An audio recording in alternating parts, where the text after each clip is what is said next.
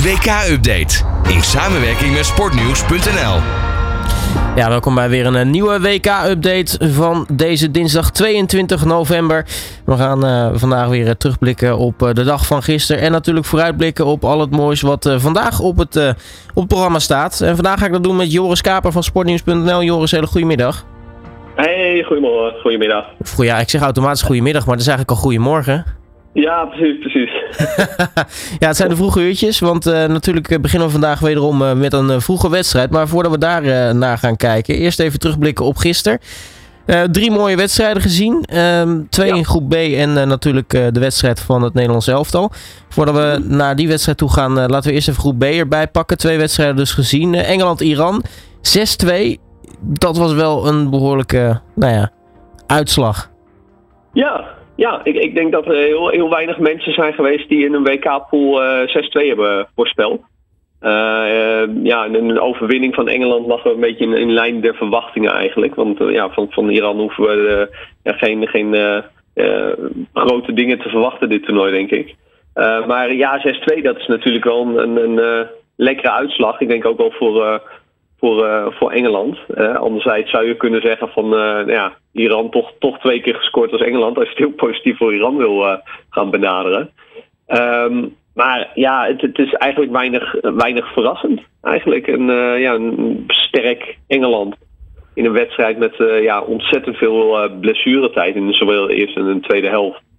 Um, opvallend vond ik zelf eigenlijk wel uh, dat, dat, uh, dat Harry Kane niet heeft gescoord. Want er wordt toch een beetje ja, getipt als een van de, van de topscorers voor, de, voor dit WK. maar goed, wellicht in, in de volgende wedstrijden. Dat, dat zullen we gaan zien. Um, en het is natuurlijk wel heel fijn dat je in een wedstrijd als Engeland-Iran uh, nou ja, toch acht doelpunten te zien krijgt. Want uh, ja, misschien de wedstrijd van Iran is, uh, ja, het is niet het meest aansprekende voetballand. als je dan dit soort, als we dat dan een beetje goed maken met dit soort uitslagen, dan is dat natuurlijk hartstikke, hartstikke lekker voor de een beetje meer neutrale toeschouwer. Ja, vooraf van de wedstrijd was, was er eigenlijk ook al gelijk reuring om toen de wedstrijd. Eerst hadden we Alex Scott bij de BBC met die One Love Captain's band om, waar zij haar verslag aan het doen was. En uh, natuurlijk uh, het hele gedoe rondom het volkslied van Iran. Ja, ja zeker. Dat, dat is uh, heel opvallend. Het was eigenlijk de, de, de, eerste keer dat, dat de spelers van, van de Iran, althans het de Iraans voetbalelftal, ja, ook een, een, ja, een stil protest hielden eigenlijk tegen, tegen het regime in het land en, en alles wat, wat, wat daar momenteel gaande is. en dat was wel opvallend, omdat voorafgaand aan het WK hebben die spelers nog uh, president van uh, Iran ontmoet. En ja, dan, dan toch uh, ja, met, met de eerste wedstrijd op het WK een, een stil protest. En, en door het ja, niet meezingen van het volkslied. dat was opvallend. En ja, ook misschien wel heel, heel mooi dat het in ieder geval ja, overal is, is, is opgepakt. Hè, door eigenlijk uh, ja, niet echt iets heel bijzonders te doen, maar uh, ja, iets heel kleins. Misschien wel een groot gebaar. En dan uh, die andere wedstrijd in groep B, ja, daar kunnen we eigenlijk kort over zijn. De VS tegen Wales was, was niet heel bijzonder, hè? 1-1. Nee, nee, dat klopt. Het was eigenlijk ook een wedstrijd die, die twee kanten op, op kon. Ik vond Wales in de eerste helft heel erg slecht. Um, Verenigde Staten die heel, heel fel begonnen eigenlijk. Maar ook een paar vroege gele kaarten uh, pakt. Onder andere voor, voor uh, Serginho Dest, oud Ajax. Mm um, ja, een terechte voorsprong ook wel voor, voor de Verenigde Staten in de eerste helft. En ja, ik, ik weet niet, ja, Wils, ik vond Wils ja, niet heel bijzonder. En ik vond de Verenigde Staten eigenlijk wel heel, heel verfrissend. De eerste helft. En dan konden ze de tweede helft konden ze dat juist niet doorzetten. Uh, lag het initiatief vooral bij, bij Wales. En uh, nou ja, goed, die komen dan uh, ja, kleine 10 minuten voor tijd komen ze door een penalty op, op 1-1. Um, ehm, gezien de hele wedstrijd is dat denk ik ook wel een, een terechte uitslag. Ja, en dan de wedstrijd waar heel Nederland bij stilstond gisteren. De wedstrijd van het Nederlands elftal tegen Senegal. Ja. ja, het was niet heel hoogstaand. sterker nog, af en toe had ik het idee dat Senegal nog wel eens op voorsprong kon komen. Maar uiteindelijk wint Nederland wel met 2-0. Ja, dat klopt helemaal. Ik, ik had eigenlijk het, uh, hetzelfde gevoel. Ik had eigenlijk uh, wel een, een, zuinige zege verwacht voor het Nederlands elftal. Maar wel tegen een hele uh, stugge ploeg. Tegen een fysiek sterke ploeg. Maar Nederland die, die ja, oogde heel, heel onrustig eigenlijk. Er zat blijkbaar heel veel spanning op. En natuurlijk is er natuurlijk heel veel te doen geweest omtrent Nederland en, en Qatar in het algemeen. Maar je had natuurlijk ook Virgil van Dijk die opeens weer...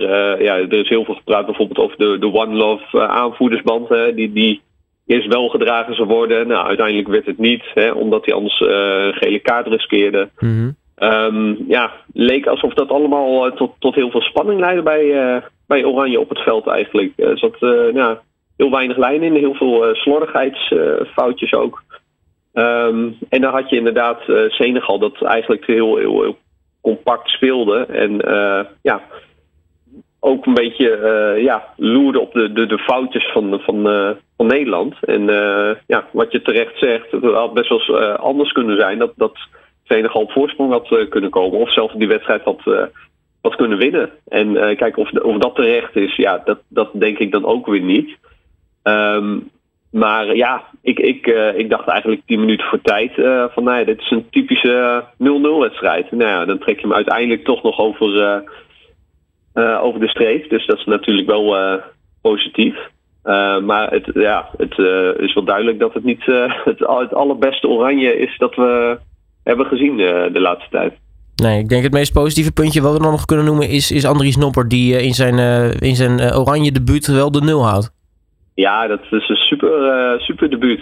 En uh, ik, ik, ik, las gisteren toevallig al dat precies een jaar geleden zat hij nog op de bank bij, uh, bij Go Ahead Eagles.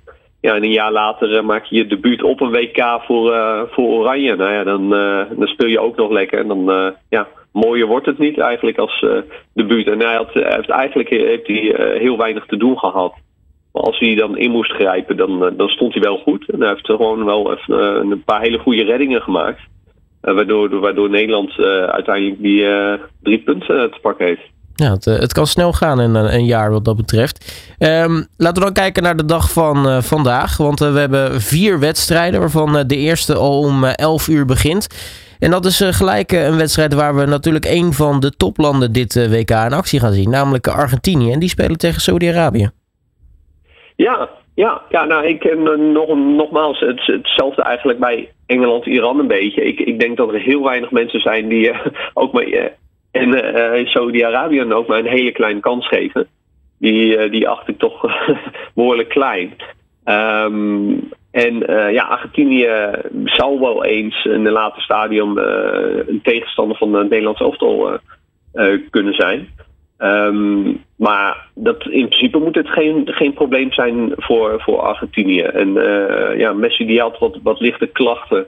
Um, maar die, die is op tijd fit, zoals het er nu naar uitziet. En ja, iedereen kijkt opnieuw natuurlijk naar Messi, want hij heeft al aangekondigd. Hè, het is zijn laatste WK. En dat heeft hij nog nooit gewonnen. Dus dat zou natuurlijk voor, voor hem een hele mooie bekroning zijn als hij uh, de WK weet te winnen straks. Dan om twee uur Denemarken tegen Tunesië. Uh, nou ja, als we Denemarken de afgelopen jaren zien spelen, het, lijkt dat voor hun in ieder geval geen, geen hele grote uitdaging. nee, Nee, ik denk ook, ik, ik zou mijn geld zeker op, op, op Denemarken zetten ook. alhoewel Tunesië ja, ik, ik zou het niet onderschatten. Ik schat ze wel wat hoger in als bijvoorbeeld een, eh, een Iran. Maar wat je zegt, Denemarken heeft prima gepresteerd op, uh, nou ja, op het afgelopen EK met, met halve finales. Ja, ik, ik denk dat, dat dat in principe geen, geen niet te nemen orde is voor Denemarken. Dus ik denk wel dat zij gewoon uiteindelijk van, van Tunesië gaan winnen, ja. En dan om vijf uur denk ik, eh, als ik kijk naar alle wedstrijden, de enige wedstrijd die nog wel eens heel erg close zou kunnen worden, namelijk Mexico tegen Polen. Ja, daar ben ik heel benieuwd naar. Al is er bij Polen natuurlijk wel uh, heel veel Robert Lewandowski, waar heel veel van, van afhangt. Um, ja, als hij even zijn dag niet heeft, dan, dan, dan kan het zomaar zijn dat dat een hele lekkere middag gaat worden voor, voor Mexico. Heel veel, heel veel bekende namen daarin. Met, met oud PSV'ers, nog met, met twee Ajaxiden, met Gutierrez van PSV er, erin. Um, ik, ik neig naar een overwinning voor, uh, voor, voor Mexico, maar het, het, het, het, gaat heel close worden inderdaad, ja. En dan sluiten we vanavond om 8 uur af met de wedstrijd Frankrijk tegen Australië. zonder Benzema dus, dat is heel erg jammer. Maar ja, ja, wordt dit vandaag dan de dag van Kylian Mbappé? Um, nou, ik, ik denk dat die druk wel steeds groter wordt op hem, ja. Want uh, kijk, een Paul Pogba die is er ook niet bij. En, uh, en Kunku en Golo Kanté is niet bij. Nou ja, Benzema op het laatste moment ook nog afgevallen. ja, dan, dan, dan lijkt het er wel steeds meer op dat, dat alle doelpunten dit WK van Mbappé moeten komen. Dus die druk wordt wel steeds groter op hem. Uh, dus ik ben uh, heel benieuwd of hij dat uh, dit WK gaat, gaat waarmaken. En tegen Australië, dat, dat is een, een relatief eenvoudig begin van het WK, denk ik. Ehm, maar goed, ik ben heel benieuwd vooral naar een volgende wedstrijd tussen Frankrijk en Denemarken. Daar ben ik heel benieuwd naar. dus ja, ik ben heel benieuwd. Maar voor, voor, ik denk niet dat Australië een probleem moet zijn voor Frankrijk. Nou, dan ben ik tot slot wel benieuwd, Joris. kleine voorspelling voor deze vier wedstrijden. Argentinië, Saoedi-Arabië is een uh, overwinning voor Argentinië. Ik, ik zeg uh, 3-0. Uh, Denemarken, Tunesië hou ik op 2-1 voor Denemarken. Frankrijk, Australië zeg ik 2-0. Een kleine overwinning voor Frankrijk. En, en Mexico-Polen wordt een, ja, een hele spannende, zoals je al aangaf. Ehm, ik hou het op 3-2 voor Mexico. Nou, kijk, dat wordt dus wel een, eh, een krakertje zo te horen. Vijf doelpunten is altijd leuk. Dus uh, nee, laten we, het, uh, laten we het hopen in ieder geval. Joris Kaper, mag ik je hartelijk danken voor je tijd. En natuurlijk heel erg veel plezier ook vandaag. Ja, dankjewel. Jij ook hè. Alle sporten van binnenuit. All Sport Radio.